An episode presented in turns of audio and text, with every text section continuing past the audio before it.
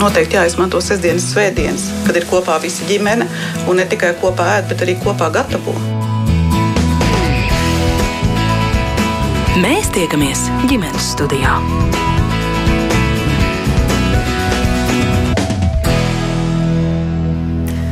Labdien! Savu skanējumu sāk Latvijas radio viens ģimenes studija. Turpmāko stundu ar jums kopā šeit būs es Agnes Linka, arī visa raidījuma radošā komanda. Tā kā internets ir ne tikai aizvien klātesošāks mūsu ikdienā, bet dažkārt pat šķiet tajā dominē, tad Latvijas radio tā ļoti centīgi atbalsta visu veidu aicinājumus veidot šo vidi drošāku mums visiem, jo sevišķi mūsu bērniem. Un, jā, pagājušajā nedēļā tika atzīmēta drošāka interneta diena, un šogad uzmanība tika tās sakarā pievērsta bērnu pavadināšanai internetā, jo, kā ziņo drošības sargi šajā vidē strauji pieaug reģistrēto ziņojumu skaits par mēģinājumiem veikt seksuālu izmantošanu un bērnu pornogrāfiju saturošu materiālu apriti, un tas viss internetā. Kādas tad ir tās schēmas, kā tas notiek, un no kā mums vecākiem jābūt gataviem savas atvases tīmekļa plašumos pasargāt, un kas vēl var nākt mums šajā lietā palīgos. Par to tad šodien sarunā, kā vienmēr jūs klausītājs, esat laipni aicināti pievienoties tai ar saviem jautājumiem, ja tādi rodas, rakstiet mums ģimenes studijā ziņas ziņas no Latvijas radio mājaslapas jau tagad, lai varam pagūt, eh, analizēt un atbildēt par visām niansēm. Mums eh, šodien gatava stāstīt eh, šeit studijā drošāk interneta centra vadītāja Latvijā Maija Katkovska. Sveika! Labdien! Telefoniski ar mums kopā Valsts bērnu tiesība aizsardzības inspekcijas ģimeņu ar bērniem atbalsta departamenta direktore Anda Sauļūna. Labdien, Anda! Labdien! Labdien! Un arī valsts policijas krimināla izmeklēšanas pārvaldes psiholoģa Dace Landmane. Sveicināti! Labdien visiem! Es sākšu varbūt ar tādu jautājumu par eh, definīciju, par problēmas definēšanu. Kas tad īsti ir tas, ko mēs varam uzskatīt par bērnu pavadināšanu internetā? Māja, vai tu piekrīti iesākt skaidrojumu? Uh, jā, nu, būtībā tādiem vienkāršiem uh, vārdiem runājot, tā ir īpaša iedraudzēšanās ar bērnu nevienmēr uzreiz paprasot atsūt savu kailu foto, nereti arī veidojot draudzīgākas attiecības ilgāku laiku. Bet tā ir tā, tā būtībā tas raksturojums ir, ka īpaši iedraudzēšanās bērnu ko veido cilvēks, kuram ir nolūks gūt sev kādu lab, labumu, kas ir likuma pārkāpums pret bērnu. Mm -hmm. Ko jūs, Anda, no savas puses varētu vēl piebilst, piemetināt? Jā, jāsaka tā, ka šajā gadījumā ļoti būtiski arī šī te, nu, emocionālās saiknes izveidošana. Līdzīgi kā jau arī Māja norādīja, uh, Nu, šī te saraksti sākotnēji viņi var nesākties ar uzreiz kaut kādiem pieprasījumiem vai vēlmēm kaut ko iegūt. Sākotnēji šie cilvēki, kas nu vēlas veikt tādas apzināts ļaunprātīgas darbības, nu, piemēram, var izpētīt bērnu profilu, uzzināt, par ko bērns interesējās, kas viņam patīk, un uz šīs bāzes arī veidot šo saikni, nu, piemeklējot sev tādas personības šķautnes, kas bērniem varētu likties interesantas, un uh, tieši veidojot šo te tādu kopīgo komunikāciju lēnā garā. Šie cilvēki viņu vēlmi nereti ir, ir nu, bērnā radīt tādu sajūtu, ka par viņu komunikāciju nedrīkst stāstīt tālāk. Tā ir tāda vēlme, jā, nu, iegūt kaut kādu varu vai spēt manipulēt ar šo bērnu vai pusaudzi, un arī viņu nosacīt, nodalīt no ģimenes un draugiem, lai tā informācija tālāk neaiziet, lai šis cilvēks un tad tālāk arī tās savas ļaunprātīgās rīcības varētu veikt. Tāce, ko papildināsiet? Nu, jā, es pilnībā piekrītu Maijai un Andai, uh, ka tā komunikācija ir uz uzticības veidošanu, bet viņa ir virzīta uz to, lai veiktu bērnu likuma pārkāpumu Un pie mums policijā tad nonāk tie bērni, kuriem, eh, kuriem šis ten pārkāpējs, tad, tad, tad, kad šī uzticība ir izveidot, ja aicina uz seksuālu raksturu darbībām, dažādām internetā, gan arī lūdz bērniem izgatavot šīs savas kailbildes, un tajos gadījumos mēs jau kā policija vērtējam, vai nav notikuši šī pamudināšana uz seksuālām darbībām vai iesaistīšana pornogrāfiska materiāla izgatavošanā. Uh, nu, tie ir tie gadījumi, kas nonāk pie mums un ko mēs vērtējam, kad jau ir tāds likuma pārkāpums pret nepilngadīgo noticis. Mm. Tāds jau uh, nevilšu sāk atbildēt uz man nākamo jautājumu, tad uh, Māja un Anda varēs papildināt. Uh, es gribu vaicāt, kas tad ir tie likuma pārkāpumi, kas, kas ir šiem cilvēkiem padomā, kāda ir uh, šo cilvēku mērķi. Tas, tā, tas ir iegūt kailfoto un tas ir. Nu, visbiežāk, à, nu, jā, iegūt cilvēku es atvainojos, māja varbūt tad. Jā, jā lai uh, jā. Es, uh, nu, visbiežāk tā tad, uh, tas ir iegūt kailfoto, video, sarunājoties ar bērnu, video platformā kādā un filmējot šo sarunu un aicinot, nu, būtībā iegūt kailfoto un, un video, lai pēc tam vai nu izmantot tikai saviem nolūkiem, uh, apskatot šos kaifoto vai video, vai ievietojot tos dažādos fórumos, kur pedofili apmainās ar mm -hmm. šādu veidu saturu. Retāk vai nekad tas ved uz kaut kādu tikšanos un, un fiziskiem seksuāliem apdraudējumiem reālajā dzīvē? Šo noteikti gan Daci labāk mm varēs atbildēt Daci? no policijas. Uh, nu jā, to, ko mēs esam novērojuši, tad, tad uh, viena no tām grupām, kāpēc cilvēki vispār pavadina bērnus internetā, ir tas, ka viņiem ir šī seksuālā interese par nepilngadīgo, un tas viņa mērķis ir tiešām gūt seksuālu apmierinājumu komunikācijā ar bērnu, vai nu lūdzot viņam atkailināties šajā ten uh, video video čatiņā vai attiecīgi izgatavojot bildes vai veicot seksuālu raksturu sarunas ar bērnu.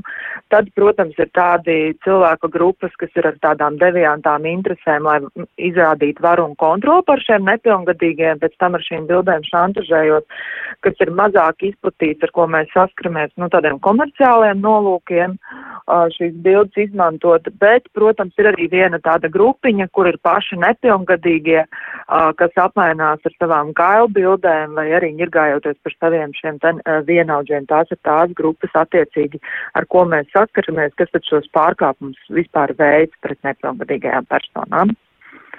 Un tāds apdraudējums, tikšanās mēģinājums vilināt tikties reālajā dzīvē ir retāk. Nu, jebkurā gadījumā ir tie cilvēki, kuriem ir šīs intereses uh, gūt seksuālu apmierinājumu komunikācijā ar bērnu, ir atsevišķi gadījumi, ka šie bērni tiek izvilināti uz tikšanos reālajā dzīvē. Uh, bet, nu, šādi gadījumi, protams, kad pastāv. Tā nav, ka šādi gadījumi nepastāv. Anda, vai jūs no savas pieredzes varat šeit vēl kaut ko piebilst? Jā, protams, jāsaka, es tiešām arī, arī piekrītu noteikti Gracē par to, ka šādi gadījumi, kad ir vēlme tikties klātienē, uh, tie ir retāk, bet uzcības tāruņu pieredzē patiešām tādi arī ir bijuši. Kad zvanītājs stāsta par to, ka, nu, sākumā tā ir šī šantažēšana, ja vēlme uh, nu, kaut ko tātad saņemt šim cilvēkam priekš sevis, un tas, ko viņš vēlas, ir nu, tikties klātienē, lai klātienē varētu vienoties par to, kā šīs bildes, teiksim, netiks tālāk izplatītas, bet tiekoties jau klātienē, nu, mūsu pieredze ir bijuši gadījumi arī ar nu, tiešām tādu ļoti nopietnu vardarbību, kas ir saistīta arī ar um, dažādu, varbūt, sazāļošanas mēģinājumiem un tad tālāk jau seksuālu raksturu darbībām ar šo bērnu. Tā ka jāsaka, ka, lai gan rēti tie gadījumi arī viens ir tiešām par daudz, un uh, šīs, nu, šīs draudzības internetā patiešām var būt ļoti bīstamas un varbūt ar ļoti, ļoti bēdīgām beigām. Mhm. Kāda skaitļa ir mūsu rīcībā? Atgādina māja lūdzu vēlreiz. Cik eh, šādu gadījumu ir fiksēts pagājušajā gadā? Tur bija liels, liels uh, kāpums uh, ciparos. Lielākā daļa bija šī bērnu pornogrāfiju saturošo materiālu aprite, un tas bija saistīts ar mūsu, kā tu stāstīji pagājušo nedēļu, ātro internetu un, un, un Krievijas rezidentu aktivitātēm, izmantojot Latvijas serverus, bet reālie mēģinājumi tātad iepazīties ar bērniem un panākt šīs te kaila bildes vai kaila video ir cik? Nu, ir tā, ka mēs eh, neredzam tieši šo Latvijas, eh, Latvijas vidi, cik tā tieši ir, ir šeit Latvijā, bet eh, tas, ko mēs redzam, nu, piemēram, šie 23 tūkstoši ziņojumi, ko mēs saņēmām Latvijā par šāda veida saturu, bērnu seksuālas izmantošanas un bērnu pavadināšanas saturošu tātad materiāliem internetā. 23,000 ziņojumi, no, nu, kas tika, tiek uzturēti uz serveriem mm. Latvijā, bet bērni var būt nu, no visas pasaules un, un arī varmāks no, no jebkuras valsts. Un, bet analizējot saturu, apmēram puse, ko mēs redzam, ir, ir tāda, kur bērns tā tad ir pavedināts. Un um, tieši par to, cik Latvijā uh, tur, es domāju, ka gan mēs, gan policija, gan valsts bērnu tiesība aizsardzības inspekcija redzam tikai pavisam nelielu, nelielu daļu, kur tiešām vecāki ir nejauši pieķēruši, pieķēruši pamanījuši, vai bērni ir saņēmušies un, un pastāstījuši saviem vecākiem. Līdz ar to mūsu kopīgi izstrādātais rīks būtībā šis rīks tests, mm. kur var noskaidrot, pārliecināties, vai bērns tiek vai netiek pavadināts internetā, vairāk iezīmēs, nu, šos, šie mm. rādītāji būs redzamāki. Mm. Un, principā, jau pēc nedēļas, jau mēs apmēram kopš šis tests ir pieejams, jau, jau tādas tendences jau iezīmējas, ko mēs redzam. Mm. Mazliet pēc mirklīša vēl par testu. Dace vai Anda vai jūsu rīcībā ir kādi skaitļi, ar kuriem varat dalīties? Nu, es varu pat, pastāstīt par pagājušajā gadā nepilngadīgiem, kas atzīti par cietušajiem, tad tie nepilngadīgie, kas atzīti par aicināšanu uz seksuālām darbībām vai lūkšanu internetā, izmantojot internetu, veikt kaut kādas seksuālas darbības tiešsaistē, mums ir atzīti 50 nepilngadīgie, un savukārt 54 nepilngadīgi ir atzīti par cietušo no um, pornogrāfiskā materiāla aprits uh, pārkāpumiem, likuma pārkāpumiem. Tas nozīmē, nu, tātad lūgts bērniem izgatavot bildes, un tad tās ir pārsūtīts vainīgai personai. Jāsaprot, ka reizēm gadās tā, ka bērniņš cieši kā no viena noziedzīga nodarījuma, tā no otra, līdz ar to es nevaru teikt, ka, kad uh, šie skaitļi būtu skaitāmi kopā. Tātad ir bērni atzīti gan par tādu likuma pāntu cietušiem, gan par tādu. Svarīgi ir jāsaprot, ka tad, kad tiek veikta izmeklēšana, tad uh, tiešām var būt, ka vienā krimināla procesā mēs atklājam vairākus cietušos šos bērnus, jo vainīgais vienā nu, ļoti īsā laika periodā var pavest netiklībā vairākus bērnus. Nu, tas arī ir svarīgi. Un, protams, es piekrītu Maijai, ka mēs vispār par to apjomu un to latentumu mēs varbūt arī pateicoties šim rīkam varēsim vispār iezīmēt tās tendences, cik ir tās tā mērķgrupas, ko mēs nesasniedzam tos ciešos bērnus. Kādu atbildību par šo paredz normatīvie akti nepilngadīgām, pilngadīgām personām? Ir tā, ka te, tie, nu, tie gadījumi, kad vainīgā persona aicina uz seksuālām darbībām, tad Tur sauc pie krimināla atbildības pilngadīgas personas, un noziedzīgi nodarījumi var veikt pret personām, kas nav sasniegusi 16 gadu vecuma. Un šeit draudu sots līdz 4-5 gadiem brīvības atņemšanu.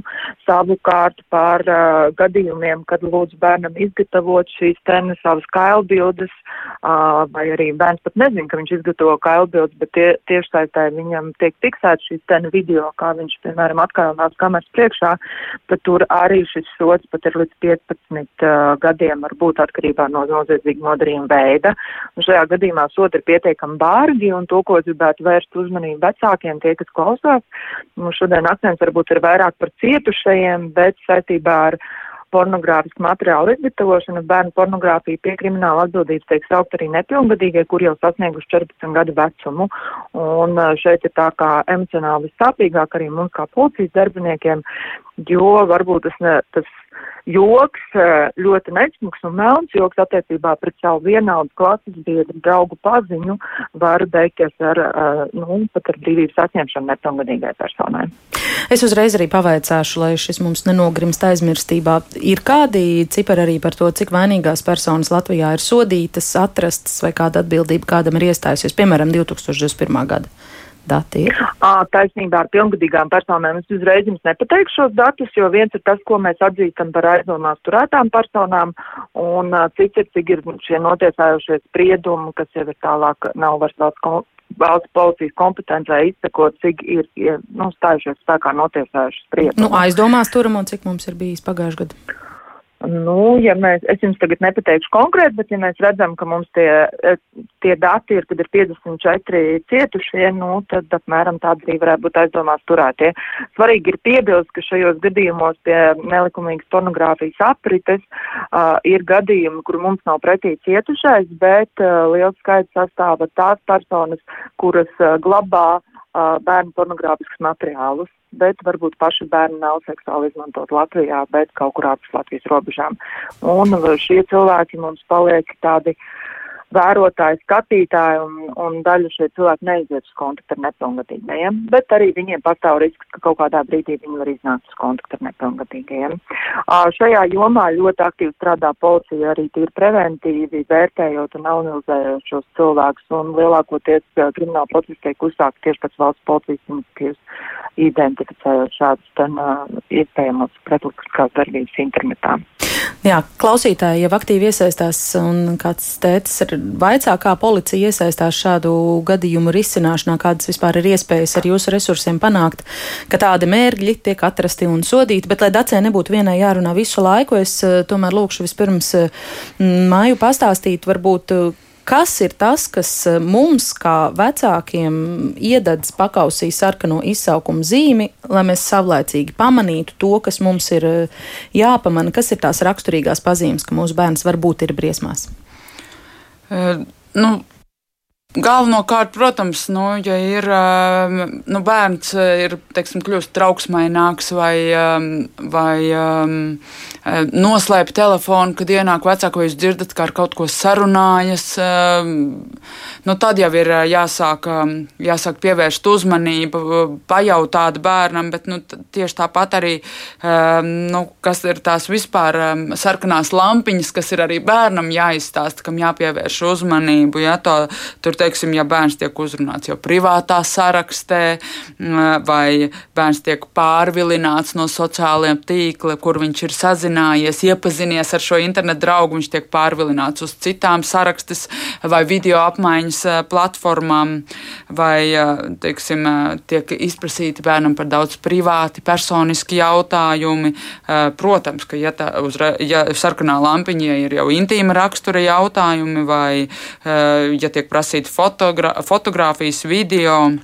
Um, arī jāicina bērnu satikties reālajā dzīvē, un, un nu, kā viens no tādiem aizdomīgiem noteikti ir, ja, ja lūdz bērnam paturēt draudzību noslēpumā.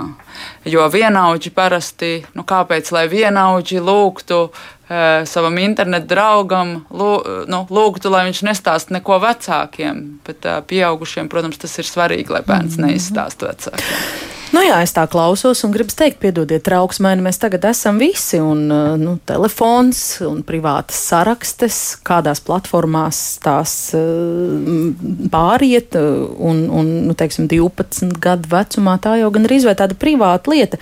Cik teiksim, spiegojošiem, tad, vai visu redzošiem mums vecākiem ir jābūt? Kā jūs, Anda, teiktu? Jā, nu jāsaka tā, ka tiešām tāda spiegošanas daļa noteikti neveicina arī tādu uzticību un, un tās uh, tiešām uzticības un kontaktēšanās pilnās attiecības.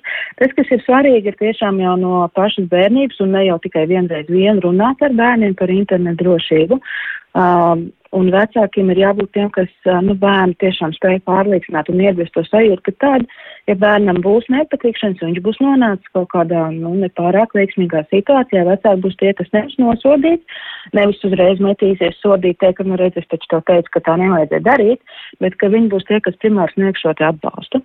Un savukārt, tad, ja tās attiecības jau ir tādas uzticības pilnas, tad uh, nav arī vienmēr vajadzības piegot.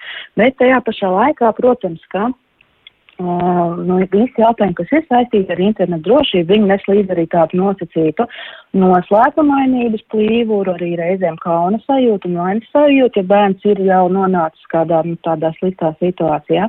Un tad uh, tiešām ir ļoti svarīgi, lai vecāki ievēro šīs izmaiņas uzvedībā. Un, un reizēm ir tas jautājums, kādas tieši tad ir šīs uzmaiņas, izmaiņas, bet ir pilnīgi skaidrs, ka katrs vecāks vislabāk savu bērnu pazīst un viņš arī redz Un tā, protams, tā var būt trauksmainība, tas tā var būt arī tāda distancēšanās, nu, varbūt vēlme kaut kā atdalīties, arī neveicot komunikāciju vecākiem. Tās izmaiņas tiešām var būt ļoti dažādas, bet tad, kad mēs redzam, ka kaut kas šķiet un kaut kas nav kā iepriekš, noteikti ir jāgrib bērnu to šo jautājumu mēģināt sākt izrunāt. Pie šī noteikti svarīgi ir arī saprast, ka runājot bērnībā par, par šo drošību internetā, nu tieši tāpat kā mēs neatstājam bērnus uz ielas viens paši, viņam nepasakot, kas tad ir tie noteikumi internetu lietošanai. Ļoti līdzīgi, līdzīgi ka būtu jābūt tādai jā, šajā internetu vidē, kad nu, skatāmies uz bērniem kā vienu pašu uz ielas, nu, ja mēs viņiem esam izstāstījuši, pie kāda luksofora ir, ir jādomā, kad iet pāri un kas varētu būt tie apdraudējumi, nu, tad mums ir arī pašiem drošāk. Un tas, ko Māja pieminēja, ir ļoti svarīgi un arī noteikti jāliek aiz valsts, ka bērniem ir jāzina šīs te pazīmes, kad arī viņiem pašiem uzmanīties. Teiksim, jā, šī te, nu, tāda īpašā interese. Uh, šie te varmāks reizēm viņi jā, īpaši lūdzu nestāstīt. Viņi var piedāvāt kaut kādas balvas, viņi var piedāvāt kaut ko nopirkt, kaut ko uzdāvināt. Tāpat, jā, viņi var būt tie, kas ļoti noslēpumaini ir paši par sevi, savukārt bērnam izskatās ļoti detalizēti visādi informācija. Un, nu, tas kopums pazīmi ir pietiekami plašs, un, un bērni ir tie, kuriem arī ir jāzina, no kā uzmanīties. Jā, paldies. Te jau es dzirdēju ļoti praktiskas lietas. Tā tad uzdāvināt, nopirkt, noklusēt. Māju, tu gribēji vēl ko piebilst? Jā, es gribēju, man eh, divas uzreiz, kamēr Anda stāstīja, divas uzreiz lietas, ko es gribēju arī papildināt. Viens ir analizējot šo saturu, ko mēs redzam, kas ir nonācis mūsu redzeslokā, ja tā tad ar eh, nepilngadīgo bērnu kailfoto un tieši to, kas ir bērnu pašu radītais šis saturs. Um, mm. internetu pavadināšanas, jā, tā tad um, rezultātā, ka bērni visbiežāk ir savā mājās, savā, savā istabā, šķietamā drošībā. Un, un tieši tas, ko Anna pieminēja, ka jau uz ielas ejot, laižot mm. bērnu vienu pašu jūs izstāstat, tad, tad nu, ir jāatceras, ka viņš nav savā istabā drošībā, jo tiešām analizējot šo saturu, visbiežāk bērns ir savā istabā. Un, teiksim, ja, ja tas ir video saturs, tad pat var dzirdēt, ka kaut kur fonā mamma sauc vakariņā savu mm. bērnu, kamēr viņš kails filmējas, ja, un, un, un, un, un tas pēc tam nonāk internetā. Un otrs ļoti svarīgs aspekts ir par šo reakciju no vecākiem, eh, ko Anda jau pieminēja, ka nevajag nosodīt un um, un nu, vajag izrunāt, tad tiešām to arī Dace noteikti, par cik viņa nu, šajā izmeklēšanas procesā pēc tam saskars ar vecākiem, ka ļoti, ļoti būtiski ir vecākiem pareizi noreaģēt. Ja vecāki pārreaģē, ja viņi ir neadekvāti, ja viņi soda, pasaka, soda bērnu vai pasaka, ka tu pats biji vainīgs un. Kaut vai satraucās kliedz un brēc. Jā, jā, jā tad tas ļoti traucē pēc tam izmeklētājiem strādāt ar bērnu, jo bērns vienkārši vairs neko nevēlas. Mhm. stāstīt. -hmm. Jā, tur noteikti tāds vairāk varētu nokomentēt. Tāds, ko papildināsiet? Uh, nu, to, ko es gribēju papildināt saistībā ar tām pazīmēm, uh, to, ko mēs redzam, tad, kad jau tas bērns ir nonācis ar vecāku policijā, tad, kad bērns apzinās, ka pret viņu ir veikts kaut kāds, nu, nu nodarījums un ka par kur viņš ir jūties slikti, viņi profilu bloķē vai izdzēš. Un no tāda pierādījuma viedokļa tas ir, nu, tā kā grū, nu, tas nav labi, ja skatās no policijas pierādījuma viedokļa, jo viņš saskarās ar kaut ko nepatīkamu noteiktā sociālajā platformā un viņš ātri bloķē vai izdzēš šo platformu vai arī izdzēš šo vainīgo personu. Un tādos smagākos gadījumos, ja tas bērns ir galīgi nobijies, tad viņš var pārstāt lietot sociālo tīklu. Tas būtu tāds vēl viens no mūsu viedokļa, kam varētu vecāki pievērst uzmanību. Bet, ja runā, kā tad bērns jūtas un kādas ir tās vecāka reakcijas, tad bērni, kas pie mums nonāk neatkarīgi no tām vecāku reakcijām, tās ir bailes, vainas un kaunas sajūta, ar ko viņi saskarās, un arī milzīgs apjukums, kas viņam traucē pastāstīt par to vecākam. Un te jau Maija Nanda arī iezīmē, ja tā vecāka reakcija nav atba atbalstoša un atbilstoša, tad tas bērnam šīs vainu un kaunu sajūta pastiprina. Un nonākot pie mums policijā, principā iziet uz kontaktu ar bērnu ir ļoti grūti, jo viņš jau ir saņēmis signālu, ka viņš tiešām tiešām ir vainīgs notikušajā un atbildīgs par notikušo. Un uh, tad sanāk, ka man atkal ir jāstāsta, ka viņš nav atbildīgs un vainīgs, lai gan viņam jau pašam sākumā likās, ka viņš ir vainīgs un vecāks vēl ir iedevis šādu atbildīgo saiti. Uh, un tad var gadīties, ka netik daudz varbūt tas pats nodarījums to bērnu traumēs, kā tas, kā mēs esam reaģējuši neatbilstoši uz šo situāciju komunikācijā ar bērnu. Nu, tas tāda vēl tāda piezīme, ka ne tikai varbūt šādi tādi sarakstas vai video pierādījumi zūd, bet arī bērni vairs nevēlēšanās stāstīt nu, par piedzīvoto. Jā, man jūsos klausoties, vēl radās pašai tāda doma, ka iespējams, eh, pat ja mēs runājam par to, ka jā, ir jābūt šai uzticības pilnai gaisotnē mājās bērnu un vecāku starpā, ka tur tajā otrā pusē ir eh, ļoti profesionāli jau veikli manipulējoši cilvēki, kas iespējams, kas spēj panākt, ka kaut ko noklusē saviem vecākiem bērnus, kurš normālos apstākļos vecākiem uzticas. Protams, Jā, tieši tā, jo tā tas, ko jau arī sākumā tika minēts, kad viņi jau manipulē. Nav jau tā, ka uzreiz tam bērnam liek sūtīt kailbildes vai liek viņam izdēties uh, tiešsaist režīmā. Ar viņu tiek manipulēts, viņš tiek slavēts, viņam tiek varbūt daudz kas piesolīts, un savu vecumu dēļ viņš nespēja novērtēt un izvērtēt šo situāciju. Un, uh, nu jā, tā, tādā situācijā arī tad uh, viņš nonāk un nu, vēl saņem šo te, nu, nepareizu atgriezisko saiti. Bet es gribētu vērst uz uzmanību, ka tas nav stāsts tikai par vecākiem, bet mēs esam novērojuši, nu, piemēram, kaut kā izglītības iestādē, kur WhatsApp grupā vai kādā citā tīklā tiek pārsūtīts bildes, un viņām ir pretlikumīgs saturs. Un arī šajos gadījumos speciālisti jūtas apjukuši, ko man ar šito visu darīt. Kā man reaģēt, ir tur pārkāpums, nav pārkāpums, ziņot policijai, neziņot.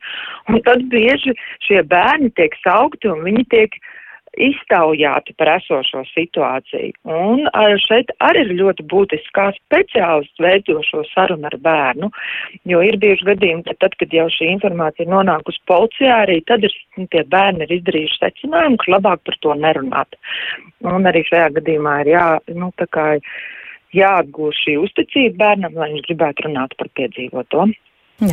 Man šķiet, ka šobrīd ir īstais eh, brīdis, eh, kad mūsu sarunai varētu pievienoties kāda mamma ar eh, savu pieredzi stāstu. Paklausīsimies. Tas viss sākās pagājušajā gadā, kaut kāds oktobris, novembris. Tā bija brīvdiena. Viņa sēdēja tur, nu, kaut ko tur darbojās telefonā, un es sēdēju tajā pašā istabā, lasīju grāmatu un es ieraudzīju, ka viņa vienā rokā naudas maksa, otrā rokā telefons un filmē savu naudas maksu saturu. Es viņai prasu, ko tu dari? Viņa saka, man ir, es esmu iepazinusies ar draudzeni, un mēs vienu otrai nu, rādām naudas maku vai nu krājpatīti. Es viņai prasu, kas tev tā tāda draudzene ir, jo nu, es tā viņas visas apmēram zinu, un nekad nevienai nekāda vēlme nav bijusi prasīt draudzenes naudas maksu saturu vai krājkasīti, kur nu vēl filmēt. Nu, viņa sāk stāstīt, ka spēlē iepazinos, viņa spēlē Roblox. Tur esot iepazinusies un sākuši sarakstīties un tā. Un es nezināju, ka vispār, ka spēles laikā var sarakstīties, ka notiek kaut kāds čats un tā, un es sāku smalkāk prasīt. Meitene saucot Linda, izrādās arī mācās trešajā klasē un Rīgā un tā. Un prasa, nu, par ko jūs vispār sarakstaties, ko viņi dara, kas tā pa meiteni un tā. Un esot uh, tur, nezinu, kāpēc, bet izprašņājusi, kā tiek uz skolu, cikos viņai sākās stundas, cikos beidzās, kā viņi tiek uz skolu, kā no skolas. Un, un, un es, uh, es saku, bet, un tu to visu stāstu, jā. Un, nu, jā, un tad es prasu, es drīkstu, nu, es paņemšu rokās savu telefonu, paskatīšos, kas jums tur notiek. Un tad viņi saraksta, jā, apmainīšos tā kā telefonu numuriem ir un abas tur WhatsAppā sazinās un tā. Un es skatos, kā saraksti notiek tikai angliski, latviski neviena vārda. Mēs tādā veidā nostiprinām angļu valodas zināšanas. Nu, tas jau tā man aizdomīgi skatos kaut kādi video. Tur ir uh, filmēti, tur tā it kā tā draudzene tā Linda sūtījusi savus video, it kā sevi filmējusi, savu naudas maka saturu tāds pamatīgs, nu, pēc skata sieviešu naudas maks liels sarkans, un vēl kā ārā naudiņu, kur ir uh, palielas eiro naudas banknotes un dolāru naudas zīmes un es sev prasu, kāpēc tu domā, ka tā varētu būt Lindas naudiņa. Kā tu domā, ko e, tā Linda darīs ar dolāriem te Latvijā, Rīgā, bērns būdams? Klusē. Es uh, prasu, ko tu darītu ar dolāriem? Nav variantu, nav atbildes. Saku, nu, ka tā nav Linda. Tur kaut kas cits slēpjas. Es saprotu, ka kaut kas nav riktīgi, bet es ne, nevaru īsti saprast, kas. Es saku, nu, ka tur nav. Nu, kā nav? Varbūt viņai vecāmām uzdāvināja to naudu. Viņa varbūt vecāki kāds. Nu, bērns nepieļauj iespēju variantu, ka tur otrā galā nav draudzene Linda. Tad uh, ir vēl viens video kur jā, viņas padalīsies, kādas tur rotaļlietas, kurai nu ir. Tā meitene nofilmējusi banāns. Viņas rotaļlieta tur kā bāž mutē, tā kā ēda, kā tur ņurca. Nu, nu, nepatika man tas. Fona skaņas tam video tādas slāpētas, tā kā mucā, kad nevar saprast, kā kaut kur fonā rādio vai televizors skan, bet es nesaprotu valodu. Un tā meitene pati arī tajos video, nu, bez, bez vārdiem, kaut kādas ā, tādas visādas skaņas, kad, nu, īsti nevar saprast, kas. Tās meitenes seja kaut kur parādījās? Jā, jā, abos tajos video ir meitenes seja un telpa viena un tā pati. Un tad uh, es izdomāju, nu, es gribu zināt, ja es tai meitenei piezvanīšu, tai Lindai, uh, kas pacels klausuli. Un es zvanu, neviens neceļ klausuli, neatbildu. Es saku, nu, pamēģini to no sava telefona piezvanīt. Arī neatbild. Uh, nu, Eva jau, ka nu, es viņai tā kā stāstu, ka tur ticamāk, ka tur ir vilks persona, mēģinu viņai, lai viņa saprot, ka tur tiešām nav, ka viņai nu, nedrīkst uzticēties. Eva prasa man, ko man darīt tālāk. Es saku, nu, uzrakst tai Lindai, kāpēc viņa neatbild uz telefonu zvanīt. Nu, tāda draudzība ir, nu, kāpēc neatbild. Tad vienā reizē, ka viņai brālītis it kā guļot, viņa nav varējusi pacelt telefonu. Tad otrā reizē, esot bijusi ārā un no slitkalniņa un kas un ko. Nu, es, es saku, nu, ka nu, man nepatīk, man nepatīk tā, tā draudzība, un es neticu tam, un, un ka tur otrā galā nu, pilnīgi noteikti nav rinda. Uh, Tad viņi man sāk prasīt, kāpēc man tā liekas. Un tad nu, es uh, sāku stāstīt, ka, nu, kad ir tādi cilvēki un, un nu, mēdz uh, bērnus ievilināt un, un safabricē visu un izdomā un izvilināt no mājas un visādas informācijas. Un, un tāpat video tur aiziet tālāk, visādas prasības, lai lielāka draudzība būtu. Tad viņi sāka nobīties un sāka raudāt kāpēc tas ir vajadzīgs, kāpēc ir tik stulbi cilvēki un, un ko viņi no tā iegūst. Nu, visādas tādas jautājumas, un es īsti nesaprotu, kā atbildēt. Un, lai viņi arī neusticās, bet lai viņi arī nebaidās ļoti, nu, lai nav bērnam panika, ko viņi ir izdarījusi un, un ārprāts un šausmas. Nu, jā, viņi izdzēš uh, visus numurus, uh, nekāda saraksta visa nenotiek, bet tā Linda neatstājās. Viņa visu laiku sūta uh, gan tādā spēlē, gan uh, tik un tā telefonā, Whatsappā sūta tā un šitā, un beigās jau sāk rakstīt latviešu tā Linda. Bet tā latviešu valoda, nu, pirmais iespējas taisno Google Translate, nu, ļoti gramatiski nepareiza. Nu jā, un es savai saku, nav, tā nav, vēl joprojām es pastāvu to, ka tā nav Linda. Un tad beigās viņi to, to Lindu izdzēsa arī no tās spēles. Nu, e, izskatās, ka nekāda kontakta vairāk nav. Bet nu, man nebija miera. Es vērsos uh, droši internets.lv, visu izstāstīju, kas un kā. Un tad uh, nu, jā, man arī apstiprināja, ka uh, tur tiešām visticamāk nav linda apakšā, ka man ir jāvēršās ir policijā. Es aizgāju uz policiju ar visu paņēmēju uz telefonu līdzi. Viņi teica, ka es, protams, lietu varu uzrakstīt iesniegumu, tā, bet tā pierādījumu nav. Nu, tā tad lietas arī nebūs. Un visticamāk, tur otrā pusē ir Linda, bet Linda nāk no neaudzinātas ģimenes, un tur ir neaudzināta meitene. Policistiem jāzina, kā būtu labāk par mani. Tā, bet, nu, ja jau izprašņā, cik sīki un smalki, kā tiek mājās, e, cikos, kas ko kā, ka viņa varētu mm, it kā tā Linda atbraukt kaut kādā veidā līdz skolai, sazvanīt viņu, nu, kamēr tu tagad gaidi autobusu, mēs varbūt varam satikties. Es gaidu mašīnā pie skolas. Un, nu, ka, ka viņi varētu tikt ievilināti svešā mašīnā. Tanī brīdī jau nesaprata, ka tā varētu būt. Uh, kas to lai zina, cik tālu tā draudzība, kā izvērstos, kāda veida video tiktu sūtīti, ko prasītu tā Linda no Evas atkailināšanās un, un visādi citādi. Nu, ir jau dzirdēts, informācijas jau ir. Tie paši video, kur no klases biedriem nāk visādas šausmas reizēm, tur tiešām īpaši no zēniem kaut kāda pornogrāfija, kur viņi to visu dabū, pilnīgi nav ne jausmas ne jau tikai pieaugušais var nodarīt pāri, bet arī vienaudzis bērns bērnam. Nu jā, tāds lūk, mammas stāsts. Cik tipiski izklausījās šī situācija, vai bija kaut kādi brīži, kuros jums klausoties tajā iemirgojās sarkanās lampiņas, jo it kā nekā traka? Vēl nekādas uh, atkailināšanās bildes vai video netika prasīti uz tikšanos reālajā dzīvē. Arī bērns vēl netika aicināts. Māja? Jā, nu mums, protams, ņemot vērā, ka mēs bijām tie, kas saņēma šo no, no šīs mammas mm. informāciju un, un pētījām. Uh, redzējām, ka, kas ir tas, kas tur bija sūtīts.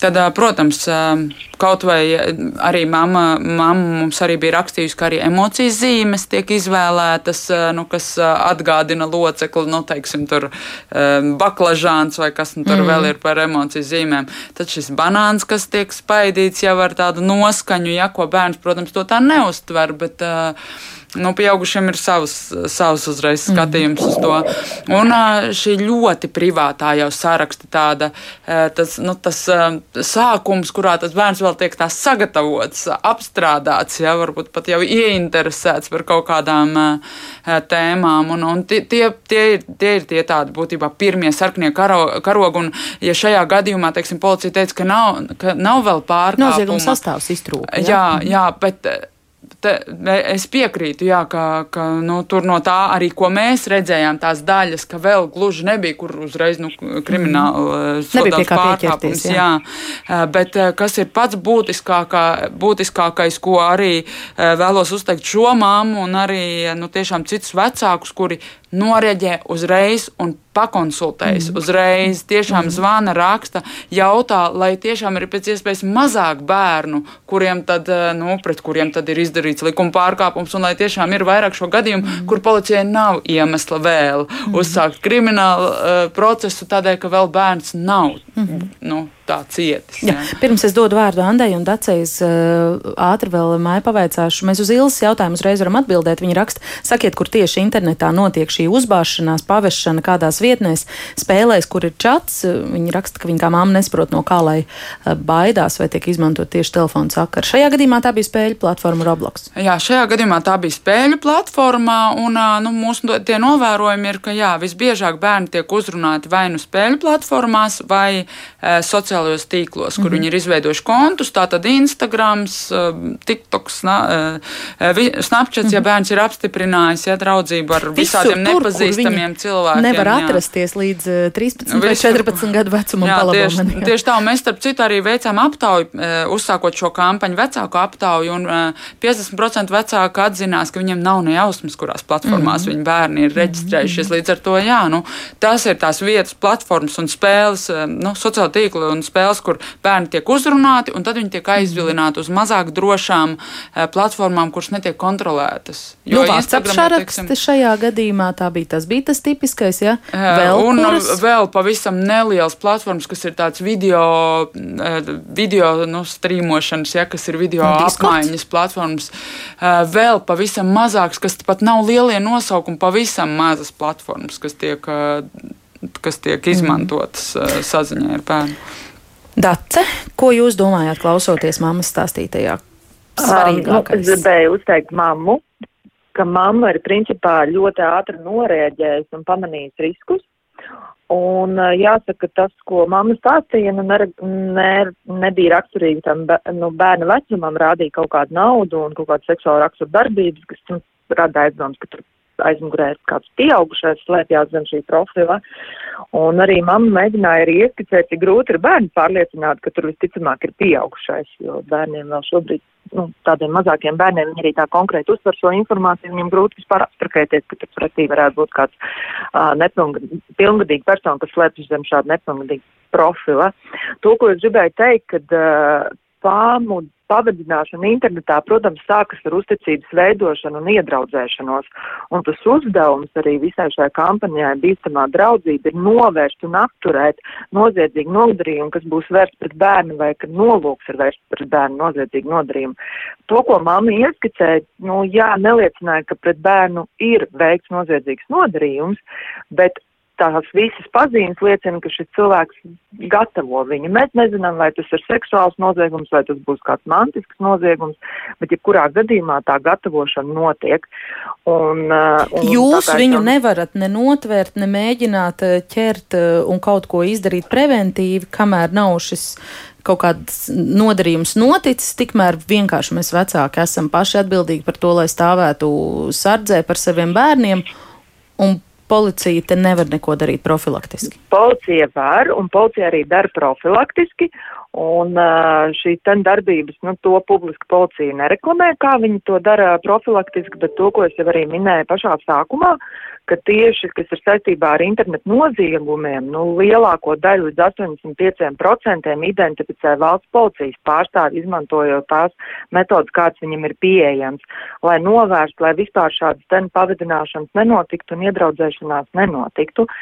Un parit arī pie šādiem bērniem mēs izējam, ja, pie, ja kāds vecāks vēršās un, un ir konstatēts, ka bērnam pret bērnu ir vērsts likuma pārkāpums, tad policija ir tā, kas atklājot šo vienu konkrēto gadījumu, gadījumu, iziet uz citiem cietušajiem bērniem, kur varbūt arī jau tiek mēģināts veikt noziedzīgu nodarījumu vai jau noziedzīgs nodarījums ir noticis. Tā kā es negribētu teikt, ka policija nevar neko izdarīt. Šajā jomā mēs tiešām ļoti aktīvi strādājam pat ar tām personām, kuras vēl veids šo pornogrāfisku materiālu glabāšanu un, un apriti, bet neiziet uz kontaktu ar bērniem. Nē, vienīgi šeit tā māma raksturoja situāciju, ka droši internets teica, ejiet uz policiju, bet policija teica, nu tur visdrīzāk ir vienkārši kāda neaudzināta meitene otrā pusē. Labi, bet mēs nevaram arī vienu gadījumu analizēt līdz rādījuma beigām, Anda. Vai ir kaut kas, ko jūs vēl gribētu akcentēt mammas stāstā, bez kolēģu teiktā, bez piekrišanas laika taupot? Jā, protams. Tas vēl, ko es gribēju pieminēt, ir tas, ka Nu, šeit ir ļoti labs piemērs par to, ka māma tiešām arī mēģina izstāstīt un izskaidrot. Un ko es ar to domāju, ir tas, ka nereti pieaugušajiem nu, gribētu domāt, ka bērni pusauģi paši sapratīs. Uh, tajā pašā laikā ir ļoti svarīgi atcerēties, ka bērniem pusauģiem viņiem nav tās dzīves pieredzes, kas pieaugušiem, kas nozīmē, ka ir kaut kādas lietas, kuras viņi nenofiksē, jeb neatpazīst. Un šajā gadījumā, piemēram, ar to naudu, ļoti labi ir un pamatot ar māmas jautājumu no bērnam nu, mēģināt izskaidrot. Pie šī vēl ir būtiski arī atcerēties, ka nu, būtībā mums pieaugušiem ir jābūt tur, kur ir bērni, kas nozīmē, ka ir ārkārtīgi svarīgi, lai mēs zinātu, kas ir tās aplikācijas, ko izmanto bērni, kas ir jā, nu, tās vislielākās aktualitātes, vai tās ir kaut kādas spēļu vietnes vai sociālai tīkli.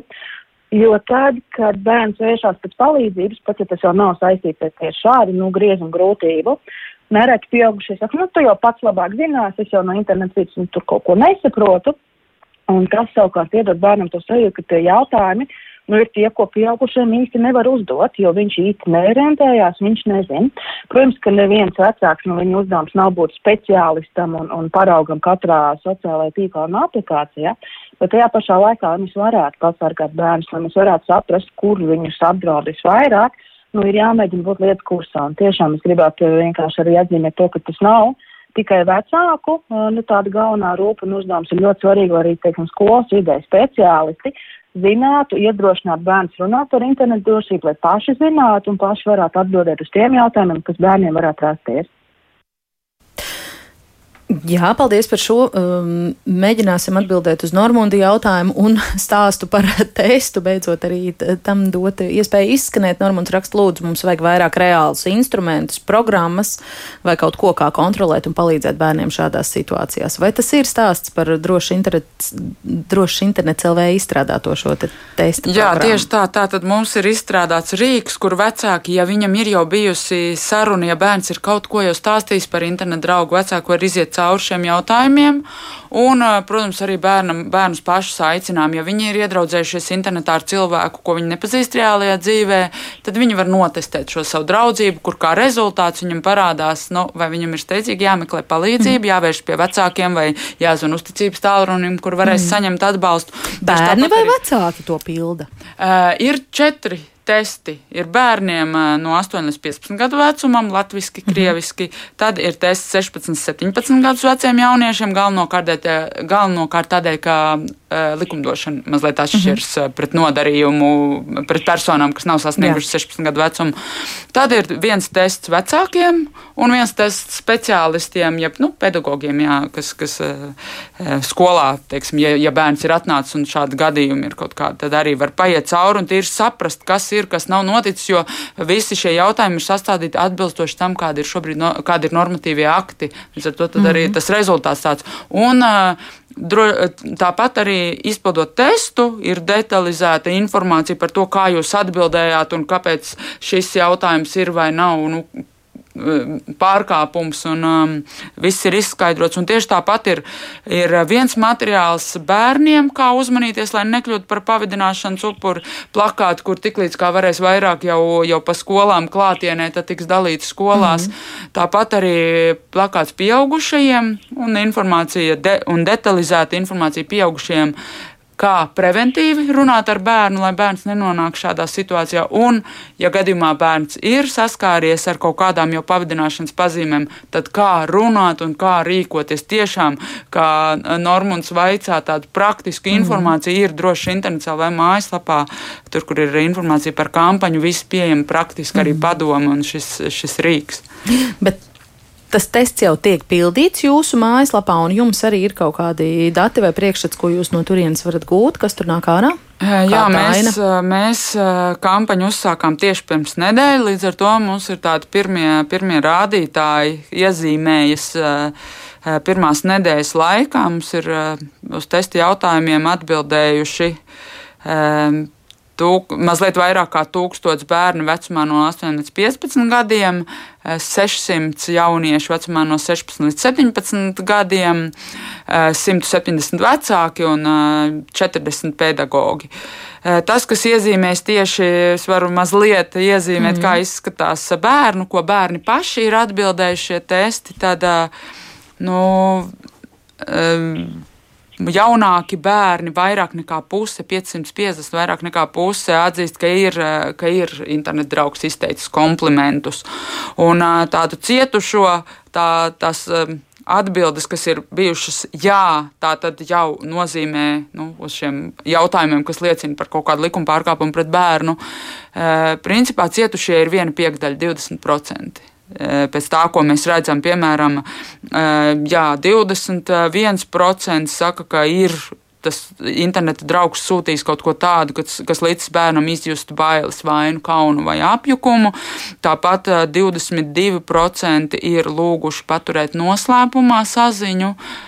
Jo, nu, tiešām, nu, kāpēc lai vienaudzis prasītu paturēt mm -hmm. noslēpumā draudzību? Ja? Un, tad ir, piemēram, vai mēģināja tev pierunāt, vai piespiedu nofotografēt, vai filmēt sevi kailu, vai tā, lai redzams intīmās ķermeņa daļas, tad ir 15% bērni, 158 bērni. Tas ir milzīgs skaitlis. Tas ir milzīgs skaitlis, un kas ir vissatraucošāk, un šeit ir arī viens, ir, ka tev tas cilvēks to paprasa, otrs ir, ka 94 bērni, no 158, 94 bērni, tas sanāk apmēram 70% arī ir nosūtījuši, ir nofotografējuši un nosūtījuši. Un šis ir tas brīdis, ka viens ir vecāki, vecākiem jāizstāst, ka var gadīties, ka kāds paprasīs, un tad ir šie 94%, kur ir no, šie 94 bērni, kuri ir nosūtījuši. Līdz ar to tas ir ļoti liels vecāku darbs šajā brīdī, ka nekādā gadījumā ne, savu skailu foto nē, vienkārši nesūtīt. It vēl jo mazāk, vairāk, e, ja tu vispār nepazīsti reālajā dzīvē to cilvēku. Un, protams, gadās arī, ka vienauči savā starpā apmainās ar kāfoto, bet tad nu, tas visbiežāk viņi ir pazīstami mm. savā starpā un ir attiecīgi. Bet šeit vai mēs varam uh, pieņemt, ka tiek runāts par internetā iepazītiem? Tieši, tieši draugiem? tā, tieši mums tas, tas jautājums formulēts. ir pārbaudi savu draudzību mm. internetā un testa sākumā tiek jautājums ieraksti sava interneta drauga vārdu vai, nosa, vai iesauku. Līdz ar to vairākās vietās tiek uz, uzsvērts, ka tev ir jādomā par drau, gadījumu, ka tu internetā sarakstījies ar kādu. Iepazinies ar, iepazinies, ar kādu. sarakstījies mm. ar kādu. Līdz ar to nu, potenciāli tie ir uh, 20%, kas ir milzīgs skaits. Mm. Un, uh, skatīsimies, jā, protams, mums mēnesi, mēnesi divus vēl dažādās sociālo tīklu platformās ies reklāmas šo testu tiks aicināti pildīt, un tad mēs skatīsimies jau uz priekšu, kā tas, kā mums izskatīsies tā situācija, bet ļoti ceram, ka daļa šo, ka kaut daļa šo bērnu ieraugot rezultātu, kur viņiem nu, parādījās, ka nu, tev ir jāpārtrauc draudzība par šo cilvēku, meklē palīdzības, mm -hmm. prasa vecākiem vai zvanu uzticības tālrunim. Tur noteikti Anna varēs izstāstīt vairāk, kā, kā viņa šo redz no savas uzticības tālruņa puses, tad, vai vairāk zvana bērni. Bet, nu, jā, nu, mēs ceram, ka, ka šis rīks iedarbosies preventīvi. Mm -hmm. Pēc laika pie šīs sarunas noteikti būs uh, jāatgriežas, kad jums Jā, būs vēl noteikti. vairāk datu uzkrājies. Mm, Dace un uh, Anda rezumējot, kas būtu bijis tas, kas šo 94 bērnu vecākiem būtu bijis saviem bērniem jāpasaka? No kā konkrēti jābrīdina. Jo mēs patiesībā ar eh, māju pašā redzījuma sākumā vēl pie neieslēgta mikrofona. Eh, mēs, mēs, mēs runājām par to, ka mums saviem, savos skaidrojumos ir jābūt ļoti, ļoti tiešiem. Tāpat laikā arī māma šajā pieredzes stāstā teica, ka ir grūti saprast, kā runāt ar bērnu, viņu vēl vairāk neizbiedējot vai viņu profilaktiski nenobiedējot. Ja mēs varam pavisam tā koncentrēti uz šo atbildēt. Anda? Jā, jā tas, tas viennozīmīgi ir grūti. Es tam varu tikai un vienīgi piekrist. Bet šajā gadījumā ir svarīgi runāt jā, par šīm konkrētajām iespējamām nu, tādām sarkano karodziņu saistībām. Bērnam atspūgļo, kas tad ir tas, no kā ir jāuzmanās noteikti ir jāgrunā par to, ja šie nepazīstamie cilvēki uzrunā internetu vidē, tad ir ļoti jāsako līdztai komunikācijai.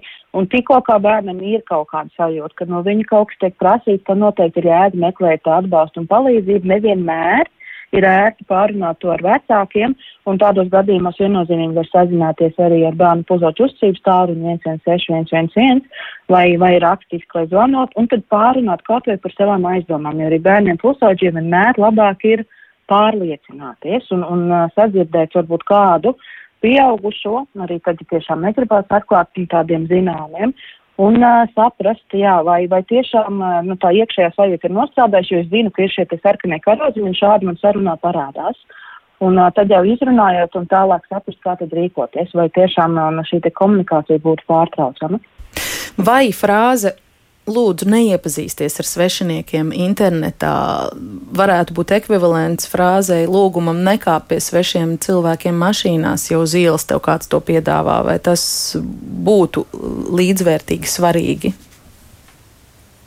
Nu, jā, jāsaka tā, ka šajā, šajās sociālajos tīklos, aplikācijās tiešām ie, iepazīšanās notiek un nevienmēr viņa ir apdraudoša un nevienmēr tas ir varmāk ar, ar mērķi nodarīt pāri bērnam, bet tajā pašā laikā šis risks ir pietiekami augsts, lai nu, mēs varētu vilkt paralēlus tiešām starp šīm divām lietām.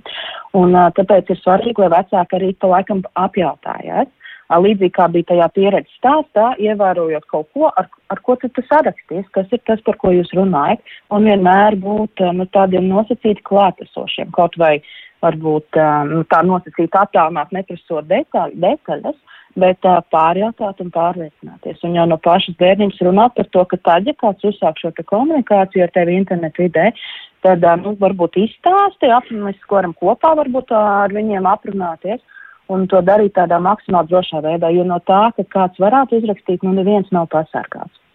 Dāce, jums arī vienu minūtu vairāk nevar atvēlēt. Nu, jā, es tikai papildinātu Andu ar to, ka, manuprāt, tas galvenais, ko ir jāpasaka, ka šajā internetā cilvēks var slēpt savu identitāti un sniegt nepatiesu informāciju par sevi. Noteikti mēs pusauģiem, kuri internetu jau ļo, lieto ļoti brīvi, mēs neteiksim, nedraudzējās ar svešinieku, bet rūpīgi izvērtē, kas aiz tā, tā profila var būt, un arī rūpīgi izvērtē, par kādu informāciju viņš dalās internetā, Un, protams, vecākam nodot ziņu, ka, ja ir kaut kādos brīžos tu jūties komunikācijā ar šo svešinieku slikti un tas uh, ir nepatīkam šī komunikācija, ka var vērsties pie pieaugušā. To, ko varbūt no savas puses es gribu pateikt, ka pie mums nonāk arī bērni, kur ir apmeklējuši pieaugušo lapas, uh, uzrādot, ka viņam ir 18 plus gadi. Tādā veidā viņš pakļauj sev vēl lielākam riskam ciest no kaut kādām pretējiskām mm. darbībām. Nu jā, bet, bet atkal situācijā... temats ir citam raidījumam, par to esam runājuši, runāsim. Diemžēl man jāsaka jums paldies par eh, dalību raidījumā. Vēl eh, jāakcentē, ka sos.drošinternets.lv ir saite, kur šis tests ir eh, atrodams, un noteikti, ka pēc laika mēs atgriezīsimies pie šīs sarunas, jo te vēl ir ko turpināt un ko turpināt. Paldies šodien no valsts policijas Dace Landmana bija pie mums no drošāka interneta centra vadītāja Maija Katkovska un valsts bērnu tiesību aizsardzības inspekciju pārstāvēja Andā Sauļūna un eh, ģimenes eh, studijas tapšanā šodien līdzdarbojās Ilza Zvaigzne, Jāna Dreimana un Esagnes Linka, bet eh, rīt raidījumā, nu, varbūt, ka nedaudz nelielā mērā turpinam šīs dienas tematu par tēriņiem, kas rodas no bērnu vēlmes spēlēt datoru un telefonu spēles, kā šī industrija tā naski pelna, piesaistot aizvien jaunāku auditoriju, kas virtuālajām spēlītēm tērē, protams, gan savu, gan mūsu vecāku līdzekļus. Cik tas izmaksās, spriedīsim ģimenes studijā rīt, tad nu klausieties un pievienojieties sarunai.